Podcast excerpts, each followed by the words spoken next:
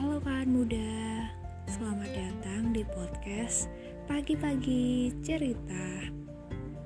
Apa kabar nih? Pastinya pagi-pagi gini enaknya ngeteh atau ngopi sambil dengerin podcast kan ya. Nah, di podcast ini Novi bakalan membagikan kisah hidup seseorang dalam membangun bisnis mereka dari nol yang pastinya bakal memotivasi kalian untuk membangun usaha sejak muda. Kawan muda, jadi seperti apa tipsnya atau seperti apa ceritanya? Tunggu episode selanjutnya ya. See you.